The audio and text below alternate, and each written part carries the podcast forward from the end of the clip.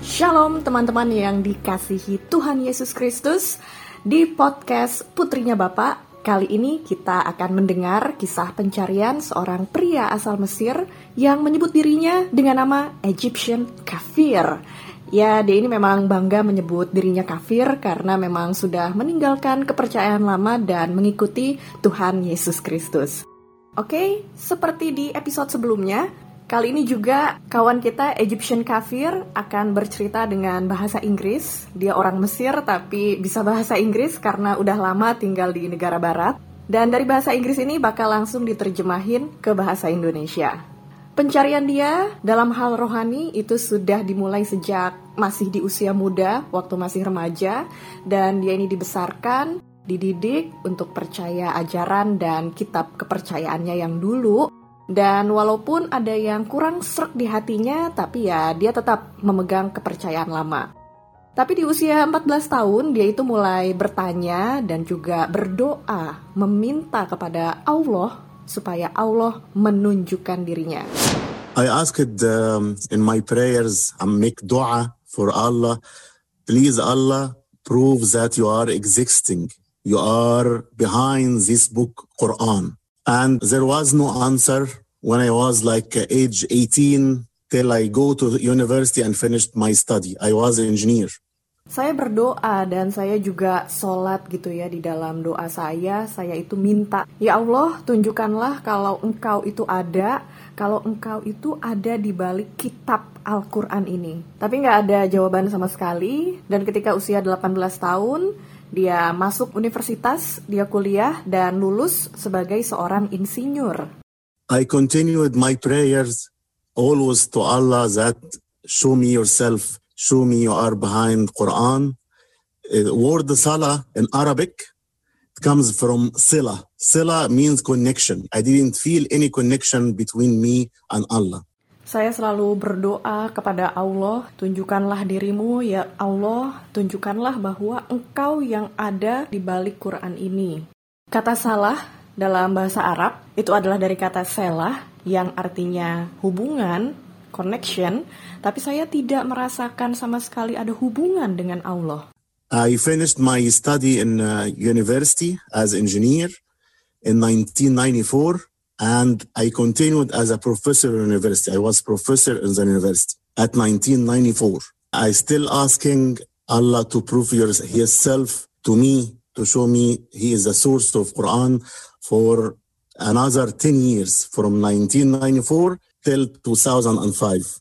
Saya menyelesaikan kuliah di tahun 1994. Saya lulus sebagai insinyur. Saya masih terus berdoa supaya Allah menunjukkan dirinya kepada saya, supaya Allah juga menyatakan bahwa Ia adalah sumber yang ada di dalam Al-Quran. Saya masih terus bertanya seperti itu selama kurang lebih 10 tahun dari tahun 1994 sampai tahun 2005. And I married my wife. She was a Muslimah. but agnostic. She doesn't believe in Islam. She doesn't believe in hijab, doesn't uh, pray. I married on 1999. Kemudian dia menikah dengan istrinya. Istrinya ini muslim tapi agnostik ya. Dan dia menikah di tahun 1999. She was from the beginning doesn't believe in Islam. She she didn't pray in at house. She was fasting just uh, like in front of people because it's hard to say to Muslims that she left Islam. Istri saya itu memang dari awal nggak percaya dengan Islam, jadi istri saya nggak sholat, nggak berdoa kepada Allah, dan juga nggak puasa. Puasa itu cuma di bulan Ramadan, kalau di depan orang-orang aja gitu ya. Ya karena memang sulit bagi istrinya itu kalau dia menyatakan ke orang-orang lain bahwa dia sudah meninggalkan Islam. For me, I continued like practicing Islam for these 10 years since uh, 1994, since I uh, began to work as professor till 2005. But in same time, I feel there is no connection between me and Allah. I'm doing like robot, praying robot. Tapi saya selama masa pencarian itu, selama 10 tahun, saya tetap terus mempraktekkan ajaran Islam. Sejak tahun 1994 itu ya, ketika dia mulai mengajar sebagai dosen di universitas sampai di tahun 2005. Tapi di saat yang sama saya juga tidak merasakan adanya koneksi, adanya hubungan dengan Allah. Saya merasa hanya seperti robot saja, robot yang bisa berdoa. And in 2005, I gave up and became agnostic like my wife. And in my mind was no, there is no religion. I didn't think about Christianity. I just left Islam and I feel that God is not helping or Allah is not helping to show himself. Kemudian di tahun 2005 itu saya akhirnya menyerah deh. Saya juga jadi agnostik seperti istri saya. Dan di dalam pikiran saya, saya tidak percaya dengan agama. Saya juga tidak pernah berpikir tentang kekristenan. Saya pun meninggalkan Islam sebab Allah juga tidak menolong saya, tidak membantu saya dengan menunjukkan dirinya. Okay, then 2005 I um, left Islam, but I was practicing Islam in front of people. In work in the university, I should pray with them. I should fast in Ramadan, or they may kill me. Tahun 2005 saya sudah meninggalkan Islam, tapi saya tetap terus menjalankan praktek-praktek dalam Islam. Selama bekerja di universitas itu, saya tetap sholat, selama bulan Ramadan saya tetap puasa. Ya kalau enggak, mereka bisa aja membunuh saya. Uh, All this time, I didn't think about Christianity. I didn't think about Jesus at all. I just don't feel any connection between me and that. 2007, in April 2007, my wife in the morning told me that she dreamed something. Di saat-saat itu juga saya sama sekali tidak pernah terfikir tentang kekristenan. Saya juga sama sekali tidak terfikir tentang Yesus Kristus. Yang saya rasakan adalah saya tidak memiliki hubungan dengan Sang Pencipta. Pada bulan April tahun 2017, satu pagi istrinya itu memberitahu kepada dia bahwa istrinya ini memimpikan sesuatu. She said that there is like a, um, person appeared in her uh, dream or vision with too much light covering the whole vision and telling her, come to me. He didn't say his name, just like two seconds, come to me and the vision or dream finished. Istrinya ini menceritakan bahwa ia melihat sosok seseorang di dalam mimpinya atau di dalam penglihatannya itu. Dan sosok ini sangat bercahaya yang memenuhi penglihatan istrinya itu ketika bermimpi. Dan sosok ini berkata, "Datanglah kepadaku." Sosok ini tidak menyebutkan namanya, cuma berkata, "Datanglah kepadaku." Cuma selama dua detik, mimpi atau penglihatan itu terjadi, lalu setelah itu selesai. When my wife told me that, I didn't care. I said, it's a dream. After one week, um, it was the Easter because it was April 2007. It was the Easter. We are visiting our friends, the Coptic Orthodox, in, just in, in, in front of our apartment, visiting Christian friends. Tapi apa yang istri saya kasih tahu itu saya juga nggak terlalu peduli ya. Dan saya bilang itu cuma mimpi. Seminggu kemudian datanglah Hari Raya Paskah. Karena itu di bulan April ya, April tahun 2007. Dan di hari Paskah itu dia bersama istrinya mendatangi seorang teman yang merupakan seorang Kristen Ortodoks Koptik. Jadi teman mereka ini tinggal di seberang apartemen mereka. As soon as we entered their house, my wife said, Look, this is him who appeared to me. She was pointing to a picture of uh, Jesus in the Transfiguration uh, as per Matthew, Gospel of Matthew, chapter 17. Segera setelah masuk ke rumah itu, mereka duduk. Terus istrinya ngasih tahu ke dia kalau itu tuh gambar itu yang saya lihat datang di mimpi saya. Gitu kata istrinya. Nah sambil berkata begitu, istrinya itu nunjuk ke gambar Yesus Kristus yang ada di rumah itu. Gambar itu diambil dari kisah transfigurasi Yesus Kristus ketika Yesus dimuliakan di atas gunung seperti yang ditulis dalam kitab Matius pasal 17. When we returned back to house, I asked her, Are you sure that he is the same person appears in the picture of uh, Transfiguration? She said she is not sure. And same night, she dreamed another vision. The same person appeared and told her, I told you come to me. Ketika kami udah balik lagi pulang ke rumah, Saya tanya ke istri saya, apakah kamu benar-benar yakin gambar transfigurasi tadi itu adalah sosok yang sama seperti yang kamu lihat di mimpi? Istrinya ngejawab, ya saya nggak begitu yakin sih. Dan di malam harinya, sang istri ini bermimpi lagi. Dan di mimpi itu, istrinya melihat sosok yang sama. Dan sosok ini berkata, Aku sudah berkata kepadamu, datanglah kepadaku. Yes, it was Jesus who was searching us. It is not us who is searching Jesus. Ya, ternyata Yesuslah yang mencari kami, bukan kami yang mencari dia. And um, at this point, I decided to study Christianity and I contact a friend to get us involved in the church to study. Pada saat itu saya memutuskan untuk mempelajari tentang kekristenan dan juga menghubungi teman supaya saya ikut dilibatkan dalam gereja untuk belajar. Uh, me and my wife began in 2007 to study Christianity. Um, like they say, under the ground. We can't go to church. We are not allowed to do that. We study underground. Saya dan istri saya mulai belajar tentang kekristenan di tahun 2007. Tapi kami juga nggak bisa belajar secara terang-terangan kita nggak bisa langsung pergi ke gereja karena memang tidak diizinkan. Jadi kami itu belajar underground tentang kekristenan. We studied the Christianity for uh, two years, 2007, 2009. I read a lot of books about what is Trinity, why Jesus is God, what is meant by incarnation of the Word. A lot of books I read about that. Kami belajar kekristenan selama dua tahun, dari tahun 2007 sampai tahun 2009. Saya membaca banyak buku tentang Tuhan Yesus, juga membaca tentang Trinitas, mengapa Yesus disebut Tuhan, apa maksudnya itu inkarnasi. Saya mempelajari banyak buku tentang hal tersebut. The church refused to baptize us. They were afraid because I was working in the university and many people knows me.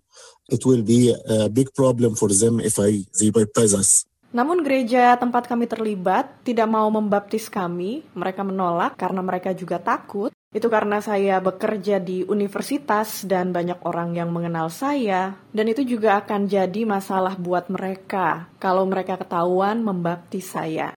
I still in the university in my work showing them I am Muslim, I am praying with them. But actually I didn't do just like a robot doing that without any words coming out of my mouth.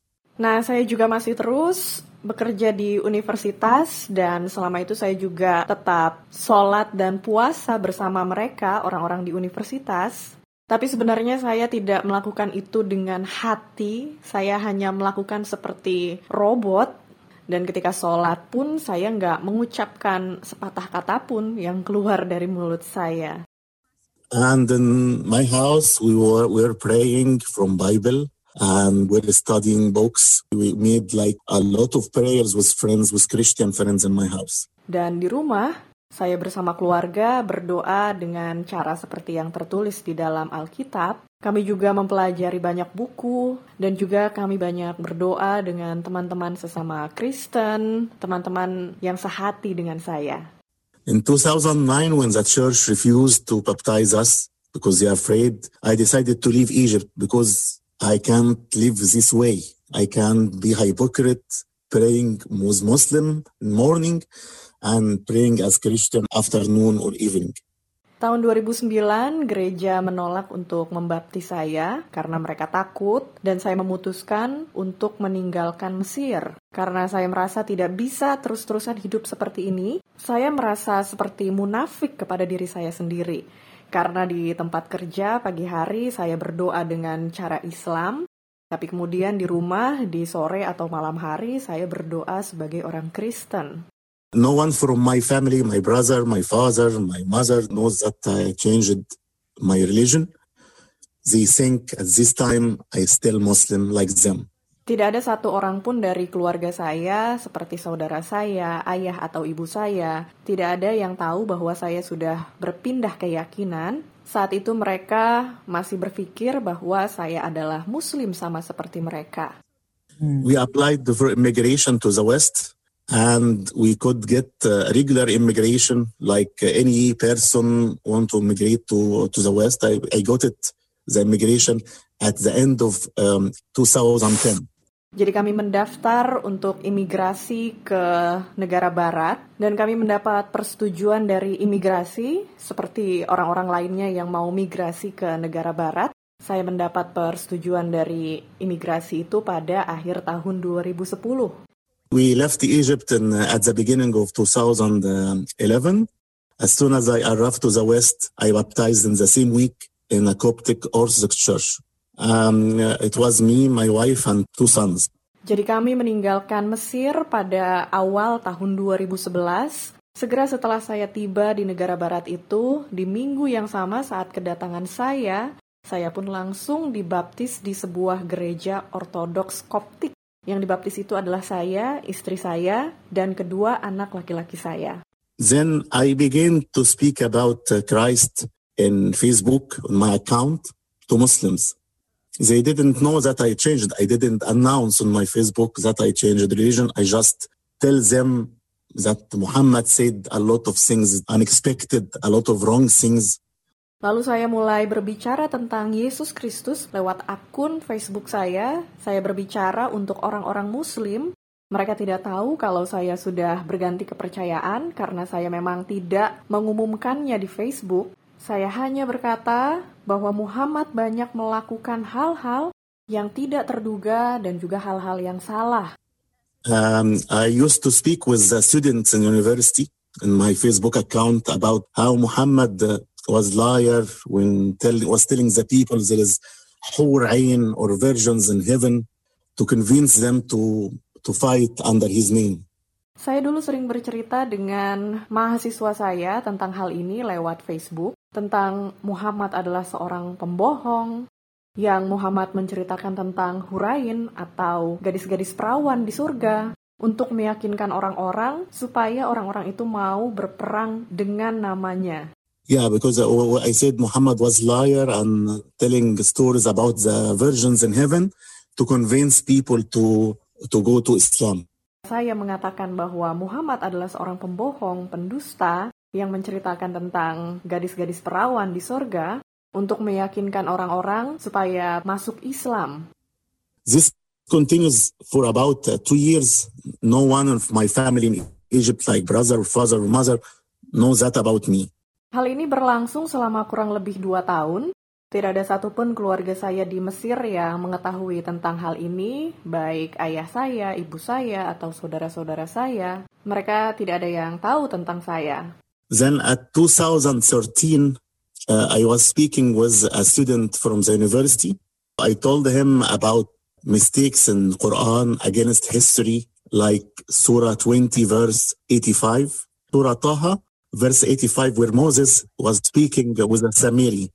Dan di tahun 2013 saya bercerita dengan seorang mahasiswa dari universitas saya. Saya bercerita kepadanya tentang hal mistis yang ditulis di dalam Al-Quran dan Quran melawan sejarah. Seperti yang ada ditulis dalam surah ke-20 ayat 85. Ini adalah surat At-Toha yang menceritakan tentang Musa yang berbicara dengan seorang Samaria.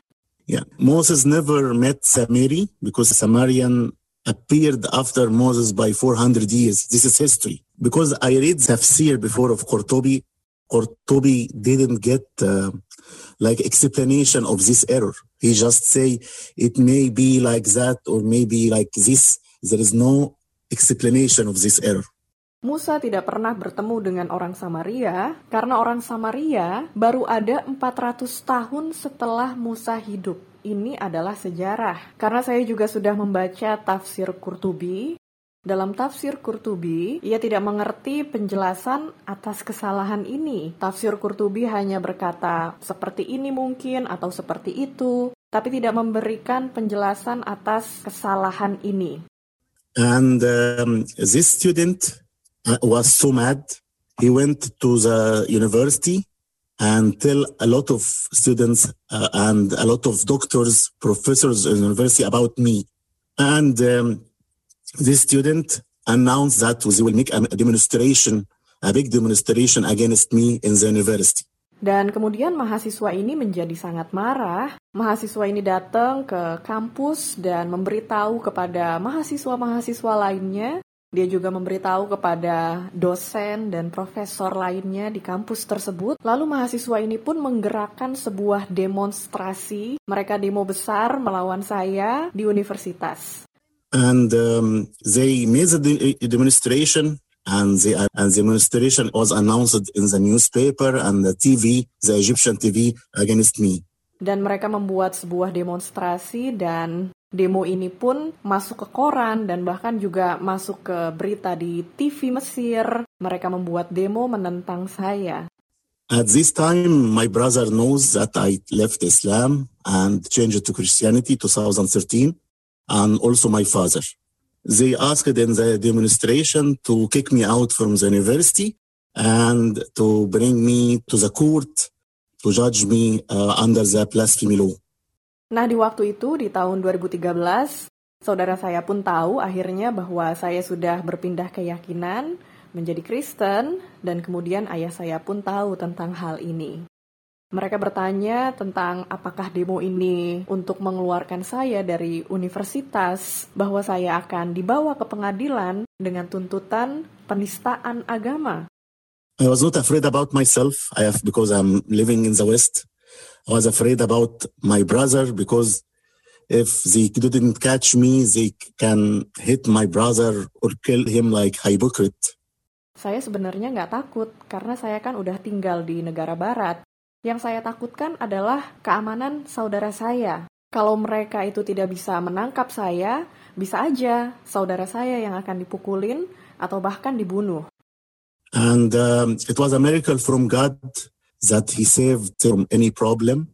That this demonstration goes down like it comes up uh, very quickly. It goes down the second day with no issue. Ini adalah keajaiban dari Tuhan karena tidak ada satu hal pun yang terjadi kepada saudara saya. Dan juga demonstrasi ini reda dengan cepat. Demonya waktu awal itu naik dengan cepat, kemudian juga langsung turun dengan begitu cepat. Uh, I just closed this account. It was old account since 2008. I closed it in 2013. I made a new account and avoided speaking about Islam. Dan juga akun Facebook ini saya tutup akun Facebook yang lama yang udah dipakai sejak tahun 2008, saya tutup di tahun 2013. Lalu saya membuat sebuah akun baru dan menghindari untuk membicarakan tentang Islam. My father is a well-educated person. He said, "It's uh, it's your choice." Said to me, "It's your choice that you chose to go to another religion, but don't make troubles to us." And my brother uh, got his relationship with me like two years 2013 till 2015. Ayah saya adalah orang yang berpendidikan. Ayah berkata itu semua pilihan kamu, bahwa kamu berpindah keyakinan. Tapi jangan membuat kami ada di dalam masalah. Dan saudara saya pun memutus hubungan dengan saya selama kurang lebih dua tahun, dari tahun 2013 sampai tahun 2015. And I decided to make um, another account to speak about uh, what Jesus did to me, to my family, and uh, how Islam is fake. I made this account in 2015.